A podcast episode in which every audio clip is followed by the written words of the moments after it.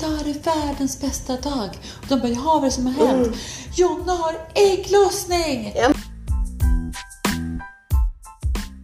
Hej kära lyssnare! Välkommen till den här nya säsongen av Förlösande samtal. Jag är så glad att vara tillbaka igen och jag hoppas att ni alla har hört mitt lilla introprat inför den här säsongen. Där jag förklarar lite mer ingående. I mitt första avsnitt så har jag träffat en fantastiskt strålande stjärna på, eh, jag skulle säga barn och föräldrahimlen. Eh, som utbildar barn, föräldrar, andra vuxna, pedagoger, lärare, eh, egentligen alla som har kontakt med ett barn. I barnets liv på internet. Vad man kan stöta på som barn idag när vi är ute på internet. Det är ett helt öppet internet vi har. Det eh, finns inga spärrar egentligen. Och eh, barn är smarta och eh, de pratar med varandra och de kan göra en väldig massa saker därför att vi släpper ut dem på internet och har egentligen ingen koll. Och varför har vi ingen koll? Förmodligen för att vi själva sitter på internet någonstans med en egen platta eller telefon. Eh, jag eh, hörde Maria för första gången för några år sedan då jag själv hade en tonåring hemma hos mig. Ehm, men jag har ju framförallt två barn som närmar sig tonåren och en 11-åring som spelar mycket spel och hänger mycket på internet. Ehm, så att det här är högaktuellt egentligen för alla och inte bara de som har äldre barn utan för de som är, har yngre barn och de som är, de kommer ju komma dit också till slut. Eh, det är en rejäl ögonöppnare att höra Maria prata och jag skulle verkligen rekommendera att alla gör det om de kan och får chansen. Tjata också på lärare och pedagoger och rektorer om att få dit Maria, dels för att prata inför er men också för att prata och utbilda era barn. Eh, som ni kommer höra så har Maria skrivit böcker och en av de böckerna skulle eh, din, ditt barns skola kunna köpa in till ett jätte, jättebra pris. Så lyssna efter det på slutet när vi pratar om det. Jag behöver också förklara att jag och Maria Duva satt på Grand Hotel i Saltsjöbaden och spelade in det här poddavsnittet i veckan. Och eh, vi började med att sätta oss på ett ställe där det var li lite hög musik, lite konstig akustik och eh, därför bytte vi ställe eh, efter ett väldigt kort tag. Så allra första minuterna så kommer ni uppleva att det är lite stökigt men häng kvar för det blir lugnare och tryggare alltihopa. Det blev riktigt mysigt sen. Men nu så har det alltså blivit dags att lämna plats för dagens stora stjärna. Fram allihopa nu med papper och penna, glasögonen, tekoppen, överstyckningspennor, understyckningspennor och highlights. För att jag bjuder er ett gyllene tillfälle till Marias kunskap. Ni behöver lära er det här. Varsågoda. Välkommen till min podd Maria Duva. Ja, tack. tack för att du kunde komma. Tack. Jag tycker att det... Tack för att jag får komma. Ja. eh, jag tycker att det jobbet du gör är så, så viktigt. Eh, så att jag är så glad att du kunde komma idag. Mm, kul. Eh, och som jag sa till dig förut, att det som är det allra viktigaste för alla föräldrar att höra, om man bara ska höra en enda föreläsning, tycker jag man ska höra dig prata. Wow. Eh, även om du gör ett stort jobb också för elever och för eh, lärare och pedagoger också. Mm. Eh, men jag pratar ju nu idag i egenskap av förälder och för mina lyssnare som mm. föräldrar. Jag vill, vill veta en rolig sak? På vägen hit så försökte jag att googla dig och få fram någon slags här samlingsbakgrund, typ som Wikipedia. Jaha. Finns inte. Nej, är det, är det din doing? Du kan hitta på bäst du vill. Vem vill att jag ska vara? jag kom in på din fina hemsida som, där det står om Maria Duva. Mm. Ja. Och där kan man ju läsa allting. Ja. Det jag ville ha koll på, som jag trodde att jag visste och som jag hade rätt i, men inte var säker på, det är att du i grund och botten är kriminolog. Mm. Ja. Och du har jobbat länge med, med mot sociopolisen. Ja, precis. Ja. Alltså så här, det var... Först jobbade jag i en eh, sluten anstalt för jag ville se hur det funkar i ett fängelse. Folk har ju åsikter om fängelse som inte ens har varit överhuvudtaget i närheten av ett fängelse. Mm. Sån är inte jag. Jag vill gärna veta, fast jag hade ingen lust att sitta i fängelse, så jag jobbade där ett tag. Eh, bra erfarenhet. Men där och då blev jag på anstalten ansvarig för eh, att implementera en metod som heter medling vid brott. Mm. Jag gick BRÅs samtliga utbildningar eh, och det visade sig att ingen på kåken var direkt intresserad av medling. För de är lite för gamla de som satt där. Det var en lagstiftad verksamhet som skulle erbjudas upp till 21 års ålder. Eh, men däremot så var det så att de från BRÅ-hållet tyckte att jag verkade intressant och plockade mig till en, eh, ja, en verksamhet helt enkelt inom Stockholms stad. Så jag satt hos polisen eh, från, redan från 2003 började jag att jobba hos polisen helt enkelt och eh, hade hand om medling med brott och sen så var det inom ramen för stödcentrum unga brottsutsatta. Så jag började sen också med stöd och sen hade jag det jobbet i 13 år. Mm. Där jag träffade barn som var utsatta för brott och barn som har begått brott och barn som har bevittnat brott. Barn som skulle träffa polisen av olika anledningar. Mm. Och så det är bakgrunden till det här och anledningen till att jag gör det här som jag gör idag det är för att nätet alltid sedan start har varit en brottsplats. Och är det ännu mer idag. Det du gör, det är att du är ute och föreläser om barn och ungas liv på internet. Ja. Uh, och, Eller med en skärm i handen egentligen. Ja. ja. Och internet är ju väldigt, väldigt stort. Ja. Och det som jag tänker är att det kanske är lätt att isolera liksom, barn och ungas liv på internet eller på, med skärmtid till exempel. Eh, till bara det. Men det är ju liksom, det här är ju någonting som formar våra barn och ungdomar till att de ska bli vuxna och sen så ska de ta över världen. Ja. När deras generation ska ta över världen. Ja. Och det kommer ju såklart att färga hur de kommer att se på saker och deras värde, värde, värderingar och grundläggande värderingar om allting. Mm. Och hur de blir som personer och vilken sorts samhälle de kommer att driva framåt. Liksom. Mm. Eh, så det är ju en jättestor grej. Mm. Ja. Det är därför jag tycker att det är så viktigt ja. det som du gör. Mm. Och eh, barn och unga är ju liksom red, de får ju en skärm i handen innan de typ är ett. Ja, innan de ens kan hålla i den. Ja. De sätter ju fast det på barnvagnarna idag med sådana ja. skärmhållare. Just det. Ja, ja det finns ju sådana. Mobiltelefonhållare eller paddahållare på alltså bygeln på, på vagnen. Just det. Och jag mötte ju sån mamma faktiskt. Det eh, är intressant hur fort den här utvecklingen har gått med barnvagnar. För att min dotter går i sexan och min son går i fyran. Och på vår tid så såg ju barnvagnen inte ut som de ser ut nu. Nej. Jag mötte en mamma på Drottninggatan i vintras hon hade färdiga vantar. Det är som, du vet, så här, mm. som två åkpåsar som Just det. Ja, det är mm. ascoolt. Mm. Och så, så hade hon ju, ja, mugghållare såklart. Och mellan händerna där så hade hon en sin mobiltelefonhållare mm. och hörlurar. Eh, och framåtvänd, det fick man ju inte ha på vår Just tid. Framåtvänd var ju Nej totalt förbjudet då. Mm. Eh, framåtvänd i barnvagnen satt en liten bebis, alltså kanske säg, ja, någonstans 6-8 månader ungefär. Mm. Med eh, noll kontakt med sin förälder. Men världen framför sig om bebisen hade tittat upp. För framför bebisen på den här mobiltelefonhållaren så satt ju en annan skärm med mm. bebisens hörlurar. Är det en och, skärm till mamma och en skärm till bebis? Ja, precis. Mm. Och jag kan ju känna så här att jag som har jobbat hos socialtjänsten och jag har jobbat där i så många år. Jag, menar, jag var ju anställd där i 13 år med en verksamhet som var tillsammans med socialtjänsten och polisen. Då träffar man ju på sådana här gamla rävar som har jobbat länge, länge, länge, länge. Både, vad ska man säga, som ja, socionomer, kuratorer och alla de här som har olika roller. Social, eller handläggare och socialtjänsten och allt det här. Så att det var ju många som pratade just om det här med anknytning. Mm. en anknytning, störd anknytning. Alltså just vårda relationen, försöka stärka anknytningen hos tonåringar och föräldrar och här. Och jag, det är ju liksom rätt lätt att kritisera sådana här teorier och eh, jag har ju pluggat på rätt bra om anknytningsteorin, men jag känner mest så här att det är väl upp till var och en att inse att det finns eh, ett viktigt band mellan barn och en vuxen, framförallt anknytningsperson. Då ska inte skärmen vara i vägen. Så är det bara. Jag vet så många små barn som säger det att Ja, min mamma hon tjatar alltid på mig om telefonen men jag, hon håller, släpper aldrig sin telefon själv. Hon sitter bara med den mm. hela tiden. Och, så när man kommer upp sen i mellanstadiet så när jag föreläser som du sa, jag föreläser från trean och uppåt oftast till och med nian, väldigt sällan gymnasiet. Men eh, då, då är det många barn som säger det att är det någon som skulle vilja gå på den här föreläsningen så är det min pappa. Han släpper mm. aldrig sin telefon. Mm. många ungdomar själva är rätt eh, bekymrade över deras skärmtid.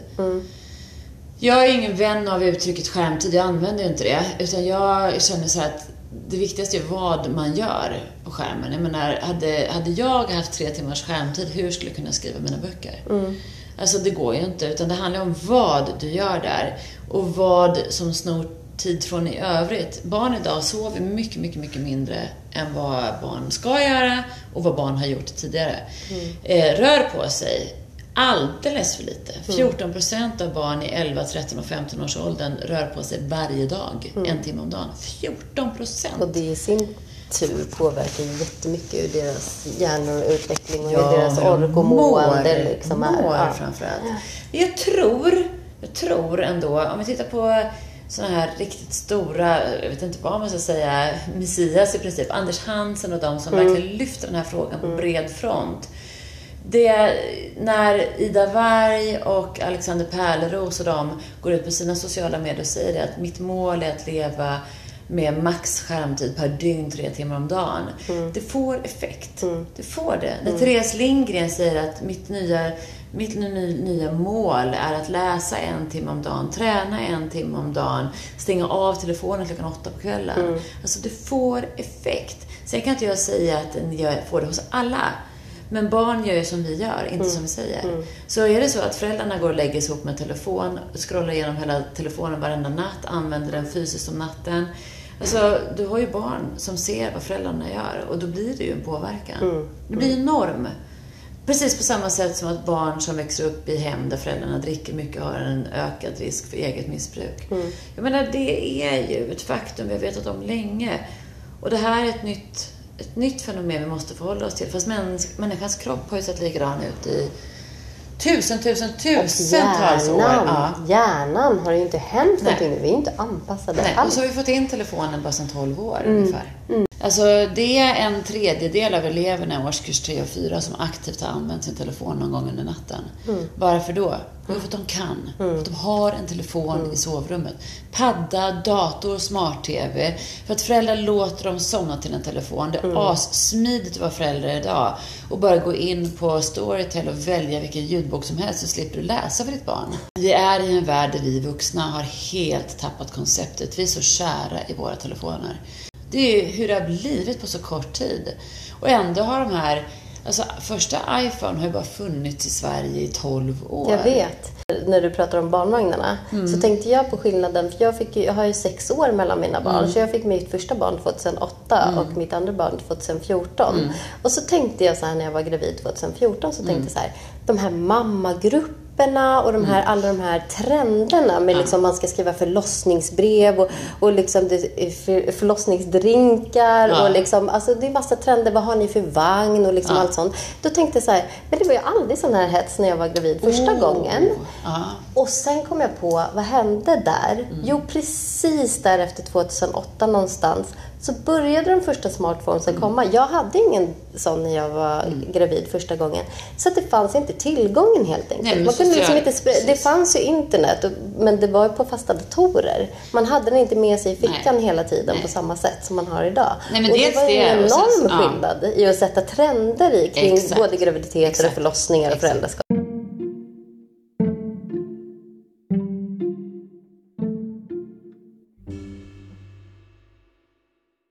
Det är ju ett väldigt hårt klimat.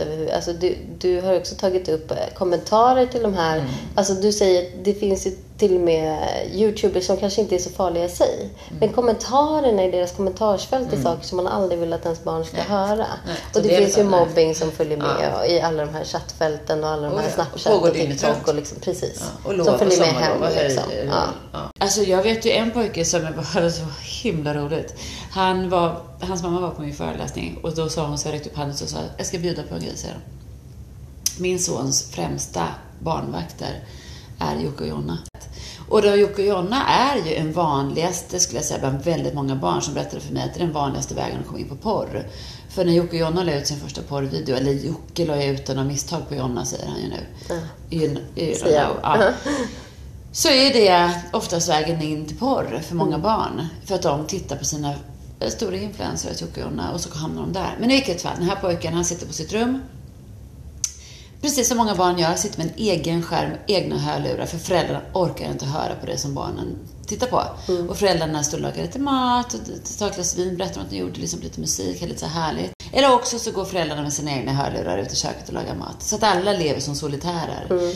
Små satelliter. Eh, och den här pojkens dörr då flyger upp. Och han st- stormar ut i köket och säger Mamma, pappa, idag är det världens bästa dag. Och de bara, jaha, vad är det som har hänt? Mm. Jonna har ägglossning! Ja men gud. Och då ska det vara liksom allt de här sprutorna, äggplockning, allting. Han visste precis allting om hur en IVF-behandling gick till. Jag kan ju tycka att det är skitbra. Ja, jag kan tycka, det- det kan vara en bra Jag kan tycka att det är utbildning. skitbra att de avdramatiserar det så att alla barn liksom fattar vad det handlar om. Jag kan tycka att det är väldigt utbildande i sig. Jag kan tycka att allt det här som Therese Lindgren har gjort om social, eller psykisk ohälsa, social fobi, psykisk ohälsa i allmänhet. Det som eh, Bianca Ingrosso gör om ätstörningar. Det är fantastiskt. Men att föräldrar på riktigt inte har en aning om vad deras barn tittar på. Jag tycker att det är helt sinnessjukt. För många barn så är Jocke och Jonna den närmsta kontakten med en vuxen. Och jag är inte helt säker på att de har valt att ta den, axla den rollen. Men de har fått göra det. Det är rätt intressant att barn då som går i trean hänger så pass många timmar om dagen med Jocke och Jonna Eh, och föräldrarna har ingen aning om vad de tittar på. Och Jocke och Jonna själva säger att deras primära målgrupp är mellan 15 och 23. De skulle aldrig låta sina egna barn titta på det som de gör. Det passar sig inte riktigt att sitta och titta, prata om deras sexliv, som är en av deras mest sedda klipp. När de pratar om strypsex och sådana saker. Och att de har köpt en kvinna som befann sig i prostitution. Det passar sig inte riktigt för att ha en publik på åtta år Nej. och prata om det. Nej. Nej.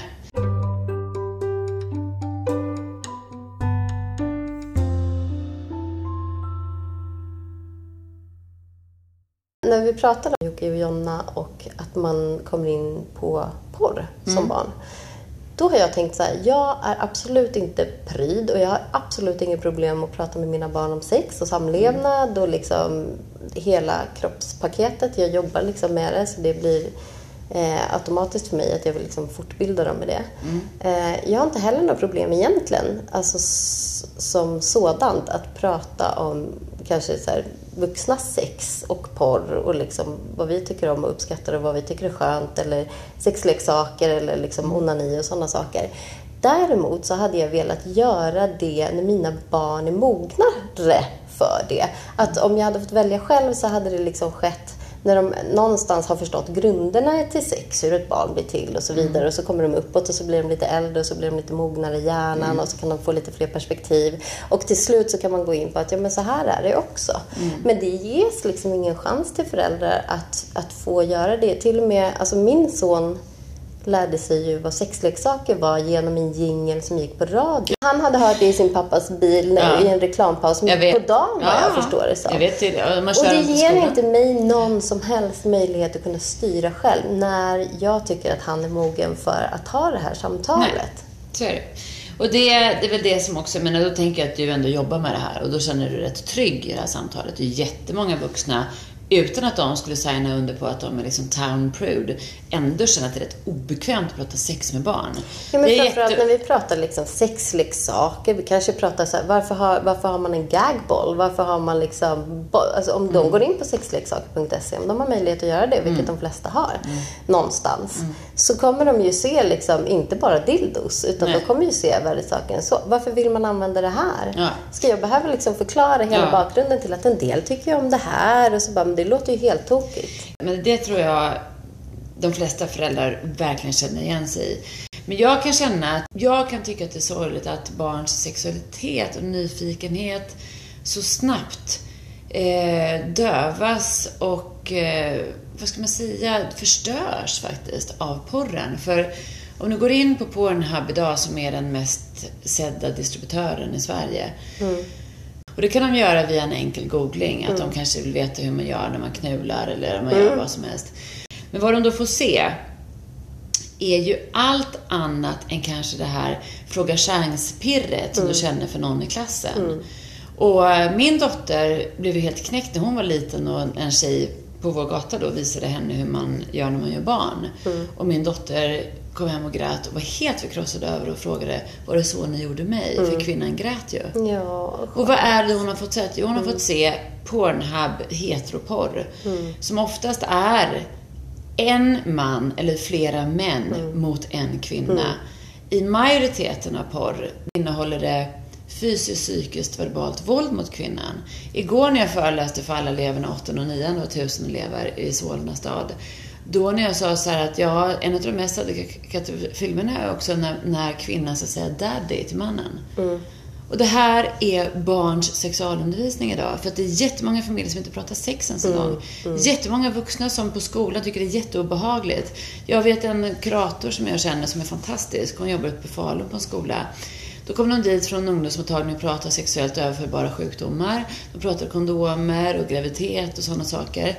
Men när de gjorde en enkät efteråt så visade det sig att eleverna själva vill egentligen prata relationer och porr. Men det är så få vuxna som är chill med att prata porr med barn. Därför så blir sexualundervisningen oftast, för de flesta barnen idag skulle jag säga, porren. Ja. Jag brukar fråga ibland, tror ni porr och sex är samma sak? Och då är det några som bara, Waha, verkligen inte! Waha. Och så andra bara är lite osäkra på den. Dröjer lite på den. Ja, det är väl samma sak typ. Jag frågade igår, 600 föräldrar Solna stad, hur många är det här inne som har haft ett lugnt och tryggt porrkritiskt samtal i god tid med era barn innan de har kommit i kontakt med det själva? Sju föräldrar räckte upp handen av 600. Men det är det jag tänker också, att det kryp, som, som vi sa, att det kryper ner i åldrarna. Jag tänker att det sitter en massa föräldrar där hemma som tänker att de kanske ska ha ett samtal ens om sex, eller till och med om porr om de är modiga, med sina barn när de typ är i samma ålder som vi kanske var när vi upptäckte det. Kanske Ja. de inte tänker Nej. att så här, det här är någonting som deras barn redan har mött. Jag skitar inte ner min hjärna med porr. Jag bidrar inte med ett enda klick till den världen. Jag gör det bara inte. Men samtidigt så tänker man då så här, hur ska då kunna prata om det? Porren är väl dokumenterad. Man behöver inte ha haft alla sjukdomar på hela jorden för att kunna jobba som läkare. Det räcker man, faktiskt man behöver inte ens ha fått barn som jobbar, på, på förlossningen. Nej. Man behöver inte ha barn Precis. för att jobba som förskollärare. Alltså vi behöver inte ha en egenupplevd erfarenhet. Det är inte säkert att den egenupplevda erfarenheten heller är den adekvata och korrekta. Nej, precis. Nej. Det finns ju så mycket annat. Exakt. Så jag kan känna att det som är själva grejen är att vi måste våga prata för att eh, Svenska Dagbladet var med mig på en föreläsning som jag hade på Adolf Fredrik och då frågade de eleverna efteråt, tyckte det var stelt? Tyckte ni det var konstigt att Maria pratar porr? De bara, nej gud nej. Vi tycker inte att det är stelt att prata porr med vuxna, men det är de som tycker det är stelt med oss. Och det kan jag skriva under på. Jag tror faktiskt att det är det som är grejen. Och sen så tror jag alltid att man är lite för sen på bollen, för man tror inte att de börjar kolla på det. Men Mattebo, forskningen uppifrån Uppsala universitet, sa ju att en kille är drygt 12, en tjej är 13,8 eller någonting sånt när hon börjar kolla på porr. Jag tror att det är mycket tidigare. Ja, jag tänker det också. Jag tycker att det låter sent för mig. Ja, ja. Men det är forskning som har bevisat så. Sen, sen är det de som inte tittar på det alls. Det finns ju på riktigt de som har vuxit upp i Sverige idag och är 15-16 år och inte kollar på det alls. Aktivt valt bort det. Eller faktiskt inte hamnat i kontakt med det.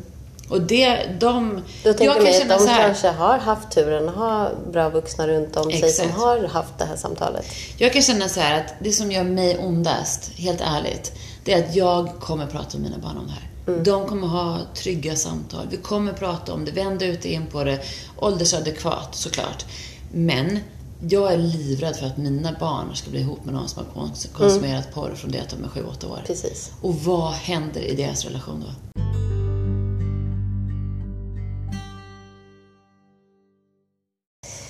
Men då tänker jag så här, ditt jobb kring det här med barn och unga på internet. Det kretsar ju mycket kring det här med porr och också inte bara. grooming. Ja, inte bara porr kan jag inte säga. Det pratar jag om, eh, porr pratar jag om med elever från årskurs 7 och uppåt, om de inte själva tar upp det. För då kan jag ta hand om det. Rent fokus i mina utbildningar med barn, det är att alla är inte den de hänger med på nätet. Och liksom, är, tittar vi på det här stora ärendet som kommer snart gå upp i Sto- Stockholms tingsrätt nu, det går ju upp någon gång i september, oktober. Då är det ju eh, avsatt 75 dagar enligt åklagaren. Då. De har bokat 75 dagar i Stockholms tingsrätt för att hinna med det här. Vad är det för fall? Det är för rätt omfattande, nej, det är ett omfattande mål. En man har suttit häktad nu i ett och ett halvt år för brott mot barn på nätet. Enligt åklagaren, när åklagaren uttalar sig till SVT, så är barnen mellan 8 och 10 år. Och vad har han gjort? Det som är de gängse åtalspunkterna nu för tiden, det är inte riktigt klart exakt vad det blir i det här fallet. Men en gång i månaden så har vi, ungefär en gång i månaden, runt om i Sverige åtal på våldtäkt mot barn på nätet. Mm. Det är när barnen får utföra våldtäktsliknande situationer på sig själva, penetrera sig själva med olika föremål som förövaren väljer. Filma det här och skicka till förövaren. Eh, och de här barnen är ju då oftast runt, ja idag, jag skulle säga average 10, 11, 12 mm. ungefär. Majoriteten är flickor, händer också pojkar såklart. Mm. Eh, absoluta majoriteten, absoluta, nästan alla uteslutande, det finns nästan ingen som är dömd som är kvinna. Det är bara män som gör sådana saker mot barn. Och det är på nätet, de hittar sina barn. Oftast sociala medier eller på chatten kopplat till spel. spel just. Precis, ja. Så fort det finns en chatt till spel, det är där man måste hålla koll. De hänger så på sociala medier och lite uttråkade barn, lite ensamma barn. Det har alltså inte att göra med ifall föräldrarna är eh, tandläkare eller ifall de bor i villa eller ifall de bor i hyresrätt. Det har inte heller att göra med ifall barnen dricker ekologisk mjölk till frukost. Utan det har att göra med barn som är för mycket på nätet, är uttråkade, känner sig ensamma. Det fyller en funktion för dem att skriva och spela.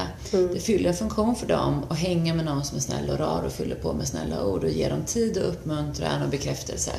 De här barnen är de absolut sårbaraste och de hamnar alldeles för lätt i klorna på en förövare som skrämmer dem till tystnad och de säger ingenting till sina vuxna. Det. det är Anmälningsfrekvensen kan jag säga är på ungefär 1 procent. Mm. Mm. Du berättade för mig, eller inte för mig, för mm. oss när jag var på din föreläsning mm. första gången så mm. berättade du ett sånt skräckexempel som satte sig väldigt hårt i mig. Mm. Eh, med en ganska ung pojke som spelar Minecraft, tror jag att det var. Ja. Och som där hans lillebrorsa hamnade ja. i knipa. Kan inte du bara berätta den? För den Nej, men det är rätt så... vanligt att de här förövarna vill ju liksom på något sätt och vis, de, de vill vara det vidrigaste tänkbara. Och i det fallet så var det en pojke som inte ville, ville ta av sig. Och eh, på något sätt och vis så fick den här förövaren då reda på att det fanns en lillebror. Och eh, de yngsta småbröderna, småsyskonen, småsystrarna som filmade är ju bara runt fem år. Mm. Och då är det så jävla vidrigt rent ut sagt. Så då har ju alltså de här äldre barnen de kan ju ha blivit utsatta själva såklart också givetvis. Men hamnat i det läget att de ska också filma sina småsyskon. Mm. Och det som Barnafrid, Linda Jonsson och Karl-Axel Svedin heter han väl, han, de sitter på Barnafrid Linköping, de säger att de här barnen är ju mer traumatiserade än andra barn. Dels för att de har fått utföra övergreppen på sig själva mm. och i de fallen då så har de också fått filma sina småsyskon. Mm. Och de vet också om att de har filmat och fotograferat och skickat det här och förövarna säger du kommer aldrig bli fri från det här för bilderna har jag redan spridit till mina kompisar. Och de vet om att bilderna ligger kvar på dem för evigt på nätet. Eh, och de lever med tystnad. Och tystnad är ju en förövares bästa kompis. Mm. Tystnad gör att ingen vuxen anmäler, det här kommer inte till rättsväsendets kännedom. Förövarna får hålla på hur länge som helst. Jag tänker på en kille, en 22-årig kille som dömdes i Attunda tingsrätt. Han dömdes ju på 521 åtalspunkter. Mm. 521. Det är ingenting man skrapar ihop på en förmiddag, Nej. utan det är då har man hållit på länge. Mm. Och, alltså, förövarna får ju hålla på så pass länge tills någon anmäler och någon gör så att polisen kan påstart, eller påbörja en utredning. I det här fallet med han som nu ska dras igång förhandling mot här i september, oktober. Alltså han har suttit häktad i ett och ett halvt år och det är ju bara tack gode gud för den häktningstiden. På den tiden har han i alla fall inte kunnat utsätta andra mm. barn. För han är dömd för det här tidigare. Majoriteten, 99 procent av barnen som är utsatta i de här stora härvorna. Till de barnen får ju polisen ringa till vårdnadshavaren och säga hej, vi har identifierat in ditt barn i en utredning. Mm. Att vara förälder till de barnen mm. och veta att mitt barn pratade inte med mig. Mm. När mitt barn levde med en kriminell, brottslig förövare i sin telefon. Mm. Dygnet runt, för de är också placerade på brottsplatsen dygnet runt. Att veta att mina barn pratar inte med mig, mitt barn pratar inte med mig. Vad gör det med föräldern? Om vi går så till basic nivå, för mm. de föräldrarna som nu sitter och hör det här och tänker mm. så här, nej det skulle aldrig mitt barn göra. Och att man tänker kanske också så här, eh, som gemene man, att det är ett ganska stort steg från att vara ett helt vanligt normalt barn i en ganska vanlig familj som man tycker själv till att så här, det här är ett barn som har blivit utsatt för det här och bär på det själv. Mm. Hur går det till att de här förövarna liksom tystar barnen? Oh, det räcker med som en, en, en som jag, oj oj oj, som sa så här, du om inte du gör som jag säger så har du ingen kanin imorgon. Mm. För den personen såg ju på Snapchat-kartan vart hon var någonstans. Mm. Vart hon bodde. Precis. Så att alltså, de har ju karta i detalj på vart barnen befinner sig. Har hon då lagt upp en bild på sin Instagram, på sin profilbild som är öppen för hela världen att se. Allting som står på Instagram. Jag menar barn idag har ju sociala medier från det att de är rätt små. Eh, det finns ju 13 års rekommendation. Men om du går in på någons Instagramkonto så ser ju du möjligtvis ifall kontot är privat eller inte. Men allt det andra ser du. Du ser hur många bilder personen lagt upp, hur många det är som följer den personen, hur många den personen själv följer. Du ser ju bilden på personen och du ser ju biografin. Står det då så här ja, men som jag brukar ta, liksom typiska. Det brukar vara en bild på ett barn. Lite skrytbild som vuxna ofta lägger upp, lite skrytbild för sig själva. Så, va? Ett barn då som i det här fallet håller en kanin. Då vet man, okej, men vi kan ungefär avläsa från användarnamnet ungefär vad barnet heter. De flesta barn, de flesta vuxna, din första hotmailadress var oftast också med ditt årtal. Det kör barn ofta med idag också. Man skriver ut att man spelar innebandy i, eh, i Tyresö BK och så 05 eh, P07. Alltså man vet direkt hur gammalt det här barnet är. Så lägger de till vad de heter på Snapchat.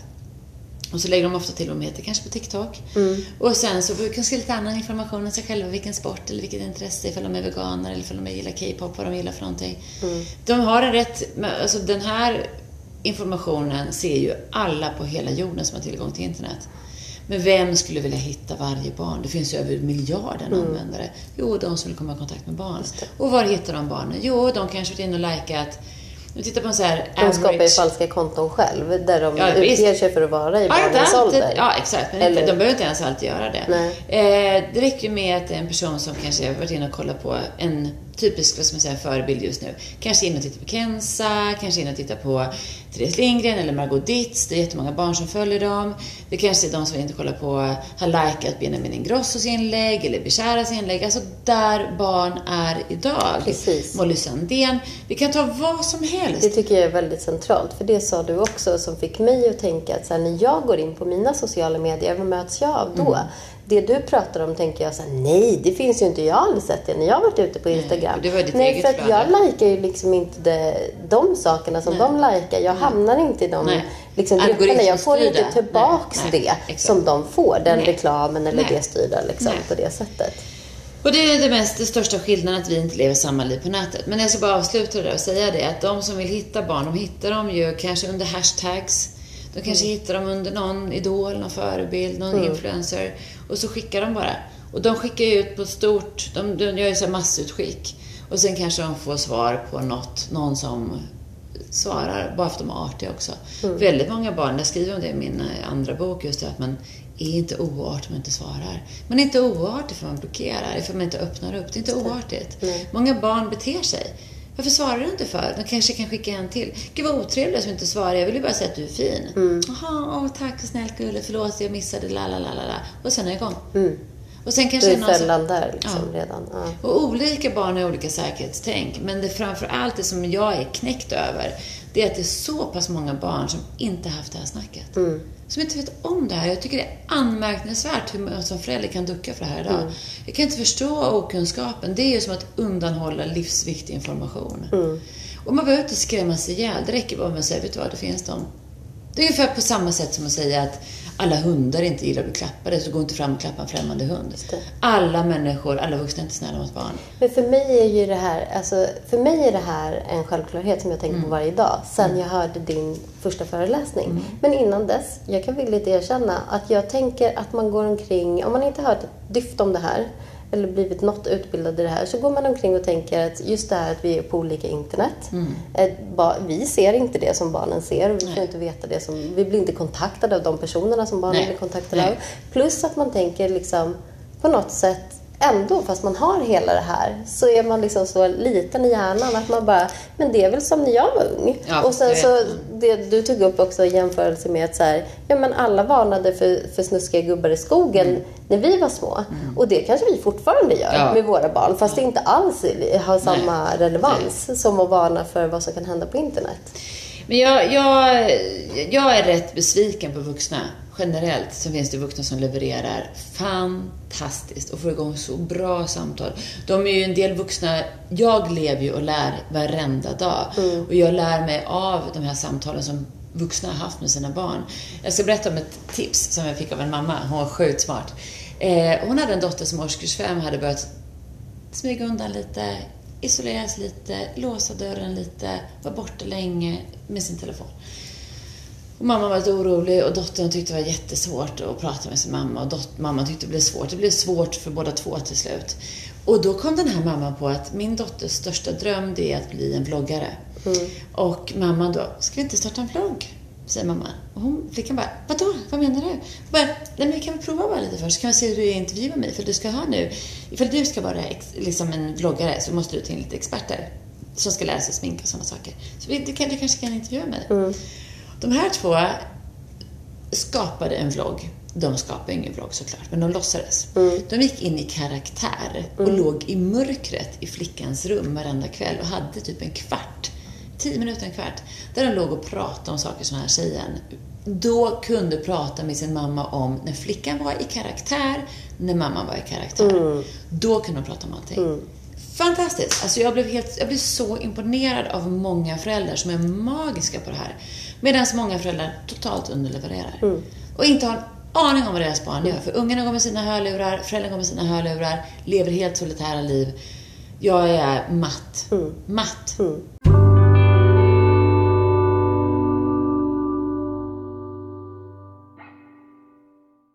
Eh, Det som eh, min eh, snart 11-åring tittar på, det är skit. Jag håller med om det. Det är skit. Men om, om han ska titta på det, när han ska titta på det, då sitter jag bredvid. Bra. Ändå, Jättebra. fast jag lider. Och sen så Ja. försöker jag liksom, för att jag vill ju behålla hans förtroende. Så att jag vill ju att han ska kunna prata om Ja. mig. Och det är som du säger, när man fördömer sina barns liv och deras vad de pratar om, då kommer det inte bli en person som du vill gå till och prata om, om ifall du sitter i knipa. Så jag försöker ju att liksom bita mig i tungan när jag vill säga så här, vad är det här för skit? Hur kan du titta på den här skiten? Eh, fast, och, fast jag försöker liksom då dra det till att jag ställer frågor till honom. Så här, hur tänker du om det här? Exakt, att de gör rätt. så.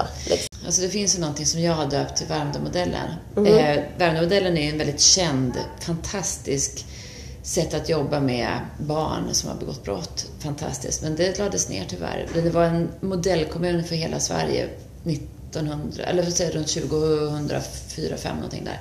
Sen försvann den. Ja, för mig idag är Värmdömodellen när man bor i hus och det finns stora trädgårdar och det finns en friggebod som många föräldrar har inrett till en spelstuga. Där barnen spelar. Och där barnen är helt isolerade från föräldrarna. Där föräldrarna har noll koll. De tycker det är asskönt, för de tycker det låter så jobbigt när föräldrarna, när barnen spelar. Ta på dig hörlurarna, stäng dörren, gå ner i källaren, gå upp på ditt rum. Man kanske ljudisolerar, sätter på en dörr till, för man pallar inte höra barnens liv. Och många barn växer upp och vet om att deras föräldrar hatar deras främsta intresse. Mina föräldrar hatar när jag spelar, mina föräldrar hatar det här. Tänk dig själv att veta att ditt, dina föräldrar hatar det som du gillar mest. Alltså jag är så ledsen över det. Jag fick ju ett mejl av en otrevlig mamma en gång som skrev till mig efter min föreläsning att eh, hon jobbade på Atea som säljer paddor, datorer, telefoner till, eh, som väldigt många andra bolag gör just till skolor. Hon skrev till mig efter min föreläsning och sa att du är som en teknikfientlig bakåtsträvande moraltant med hatt. Men gud. Ja. Och jag kan känna så att det är väl någonting jag inte är. För du som följer mig på mina sociala medier, du ser hur mycket jag postar. Men däremot har jag disciplin. Vi behöver ha det vad det gäller det här också, för vår egen skull. Vi måste acceptera att vi är människor. Vi har inte digitaliserat bort att vi måste äta, dricka, kissa, bajsa, sova, träna. Vi, vi, tills, att vi, tills den dagen vi är robotar. Då må det vara hänt att vi kanske inte behöver göra det här längre. Men nu, 2019, så måste vi använda tekniken på bästa sätt och det gör vi inte.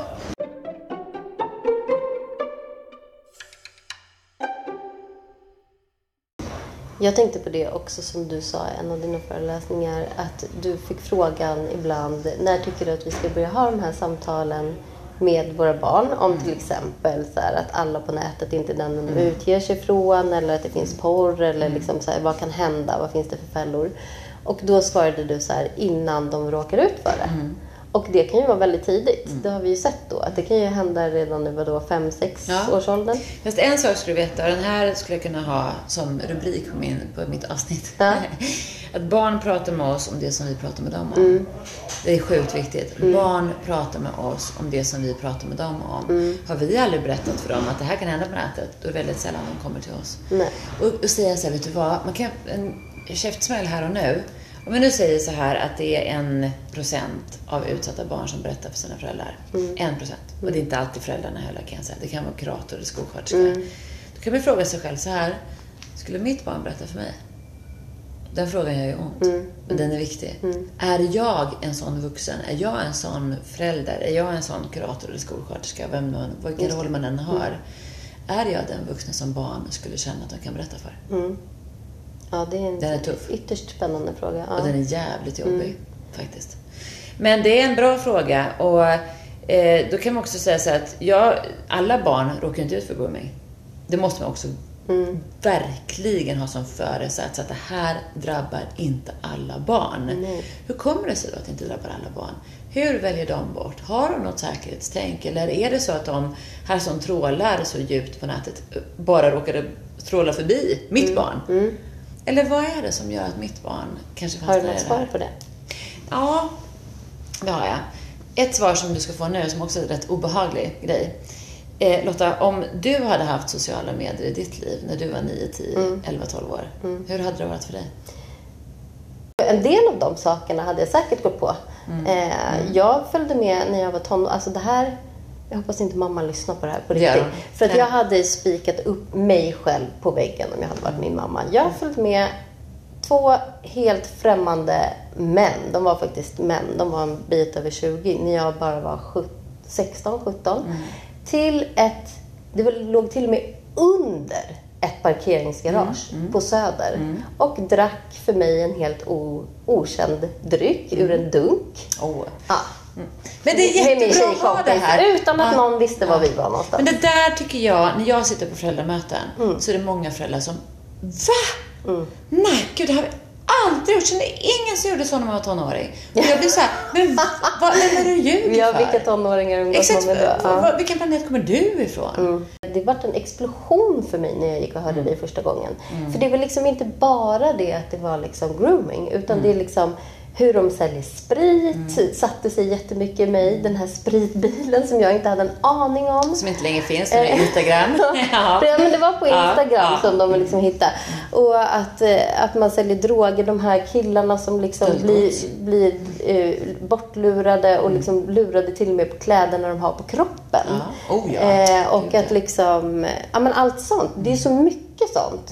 Och, Jag kan säga så här att eh, den mest ödmjukande frågan man kan ställa sig själv, det är så här, hur hade det här varit för mig?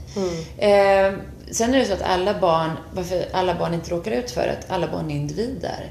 Och en del är försiktiga generaler. Min son exempelvis, han går i fyran. Alla har sociala medier. Varenda en av hans bästa kompisar vet vem Elias Afén är. Och min son, jag frågar honom, han bara, jag vill inte ha sociala medier, jag kan skicka sms. Jag kan ringa. Alltså en del barn vill ju aktivt bort det. Eh, helt olika individer och jag tänker just att också en del barn har ju sån här relation till vuxna så de kan prata om allt.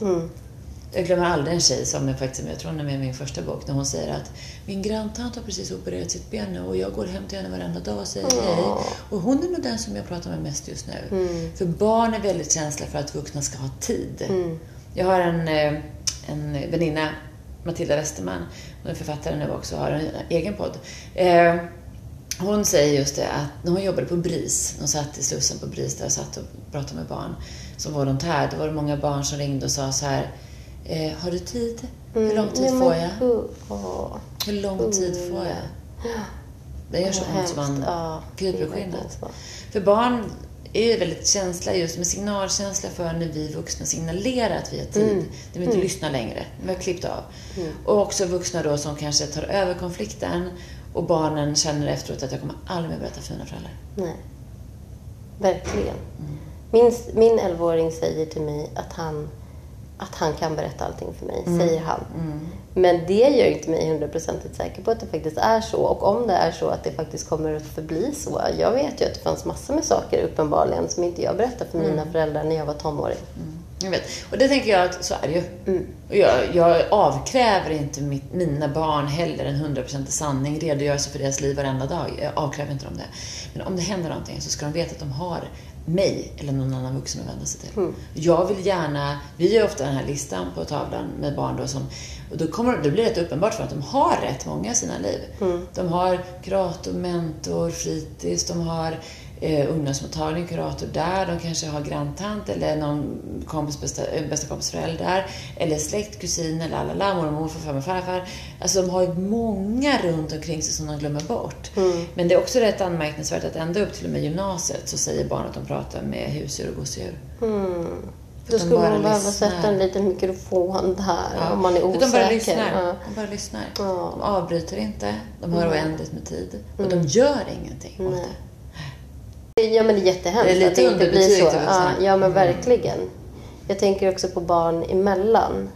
Alltså, eh, jag har jobbat inför det här att om det är så att han trots allt som jag försöker nu med, att de inte ska vilja prata med mig, att jag ger dem andra outs. Att så här, men du behöver inte prata med mig, du kan prata med någon annan Ja, vuxen som du exakt. litar på. Du kan ringa till BRIS, du kan liksom eh, prata Skriva med någon dagbok. Pra, berä- Och s- jag har också frågat så här, vad skulle du göra om en kompis till dig Exakt. berättar för dig? Helt rätt. Vad skulle du göra Jättebra. då liksom? Och det är ju... Är man en golare, en tjallare då? Är man liksom Precis. skvallerbytta om man går och berättar? Precis. Mm. För då kan man också ställa sig den här frågan. Jag brukar ju känna den, som både till personal och till, till vuxna, andra, föräldrar eller någonting. Ifall, ifall något barn berättar någonting, en kompis berättar någonting för föräldern, så här, en, alltså, min dotters kompis berättar någonting för mig. Då kan jag fråga så här, ska jag vara den som vet mest om det här barnet? Eller ska föräldrarna veta det här? Alltså, vem ska veta mest? Jag eller dem? Precis.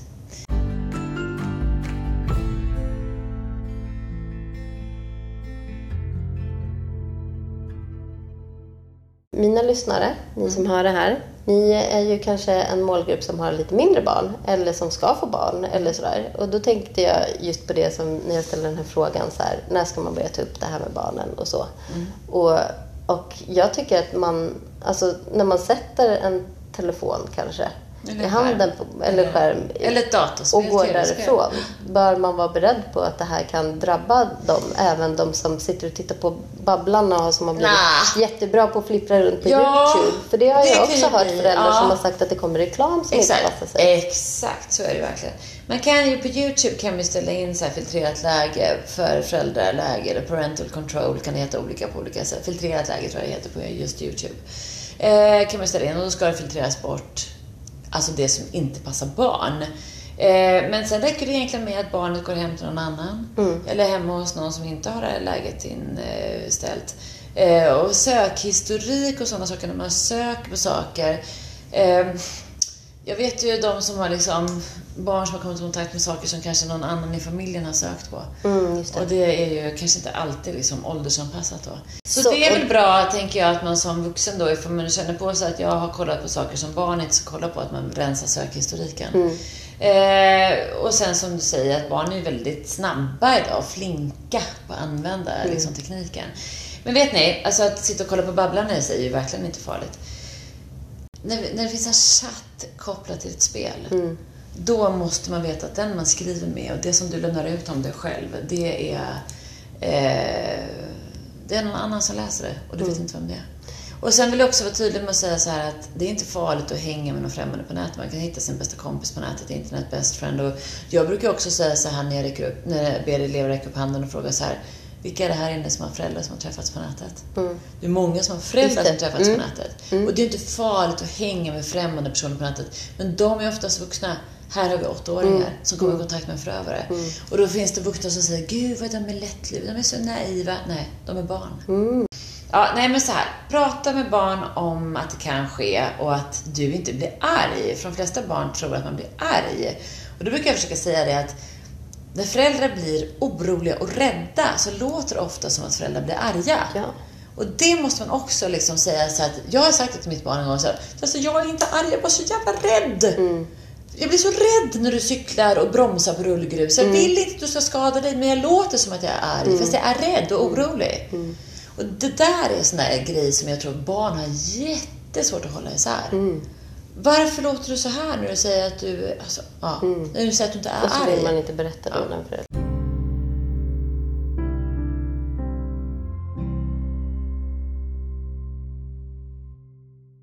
Mitt bästa tips är ju faktiskt att läsa dina böcker. Ja, Du har skrivit mitt- en bok för Ja. vuxna föräldrar och du har skrivit en bok som är för barnen som Mm. jag och min son så jävla föredömligt då läste Mm, såklart. tillsammans. Såklart. Ja. såklart. Men och jag, grym. vet du vad? Och- Så jävla föredömligt. Jag pratade med rektor idag. Hon sa, på min dotters skola har de fått i läsläxa och med arbetsfrågor till varje kapitel som vi ska jobba med hemma tillsammans.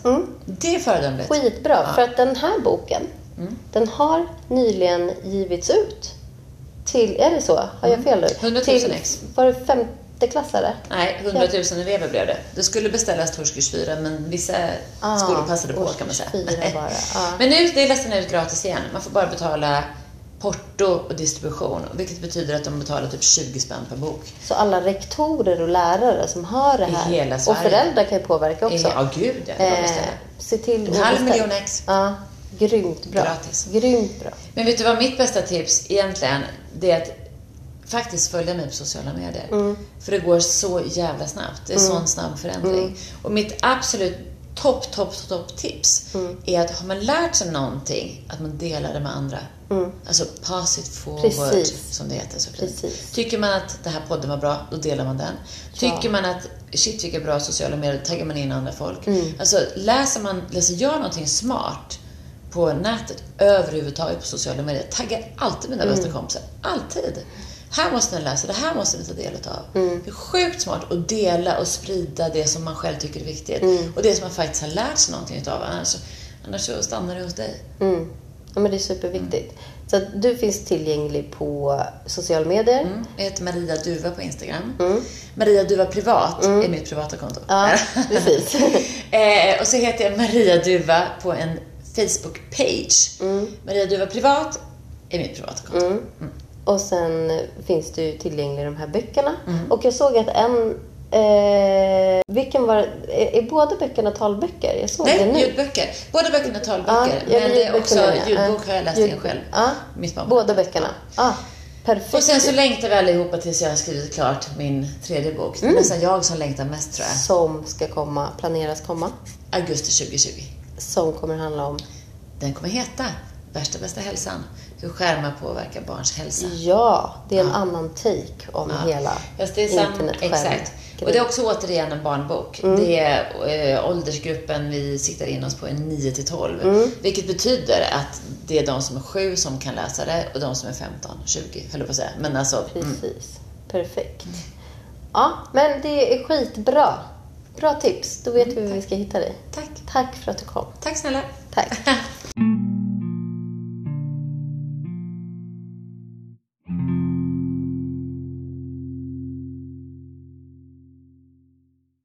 Ett tillägg till det här avsnittet som inte kom med det är det här med som vi pratade om, jag och Maria, att eh, vi lever ett annat liv på internet än vad våra barn gör. Vi har ingen aning om riktigt vilka deras förebilder är och vad, vad de ser, vad de får möta när de går ut på internet.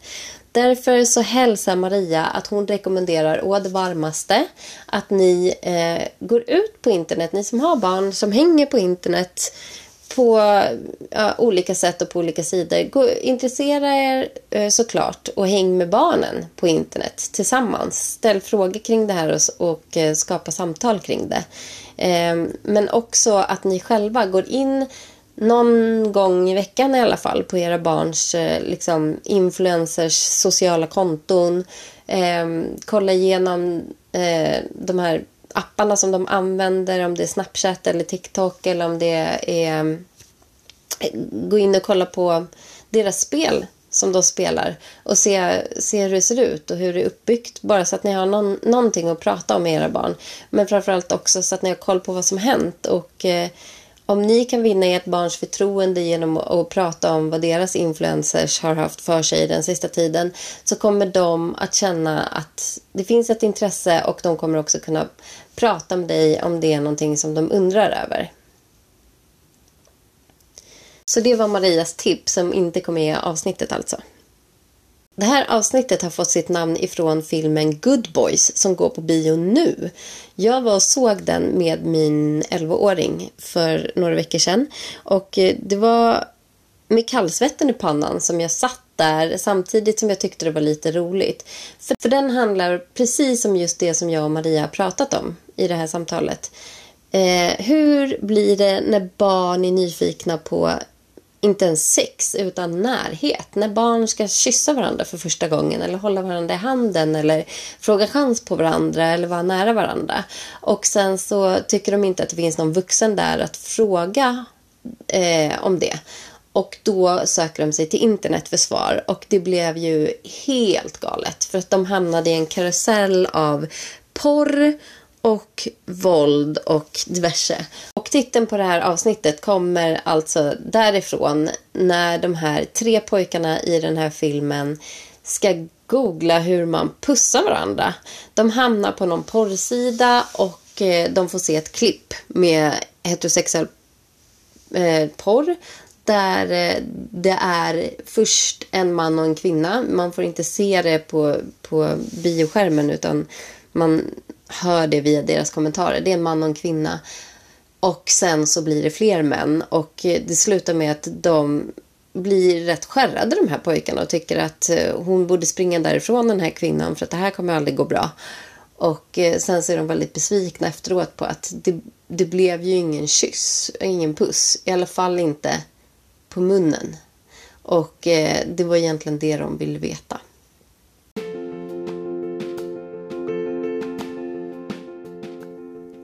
Just hört podden Förlösande samtal med mig Lotta Höckert.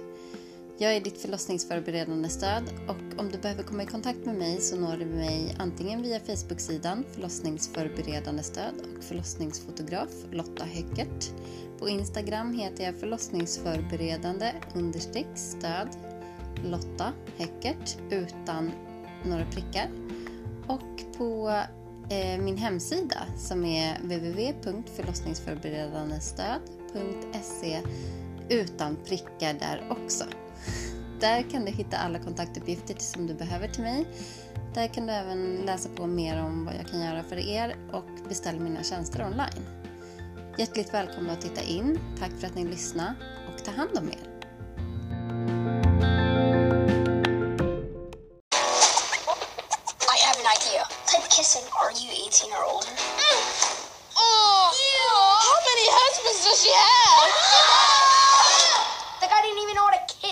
Just licking that woman's asshole. You want to kiss an asshole, Max? Nope. Y'all student, I'm the teacher. I hope Miss... We can spy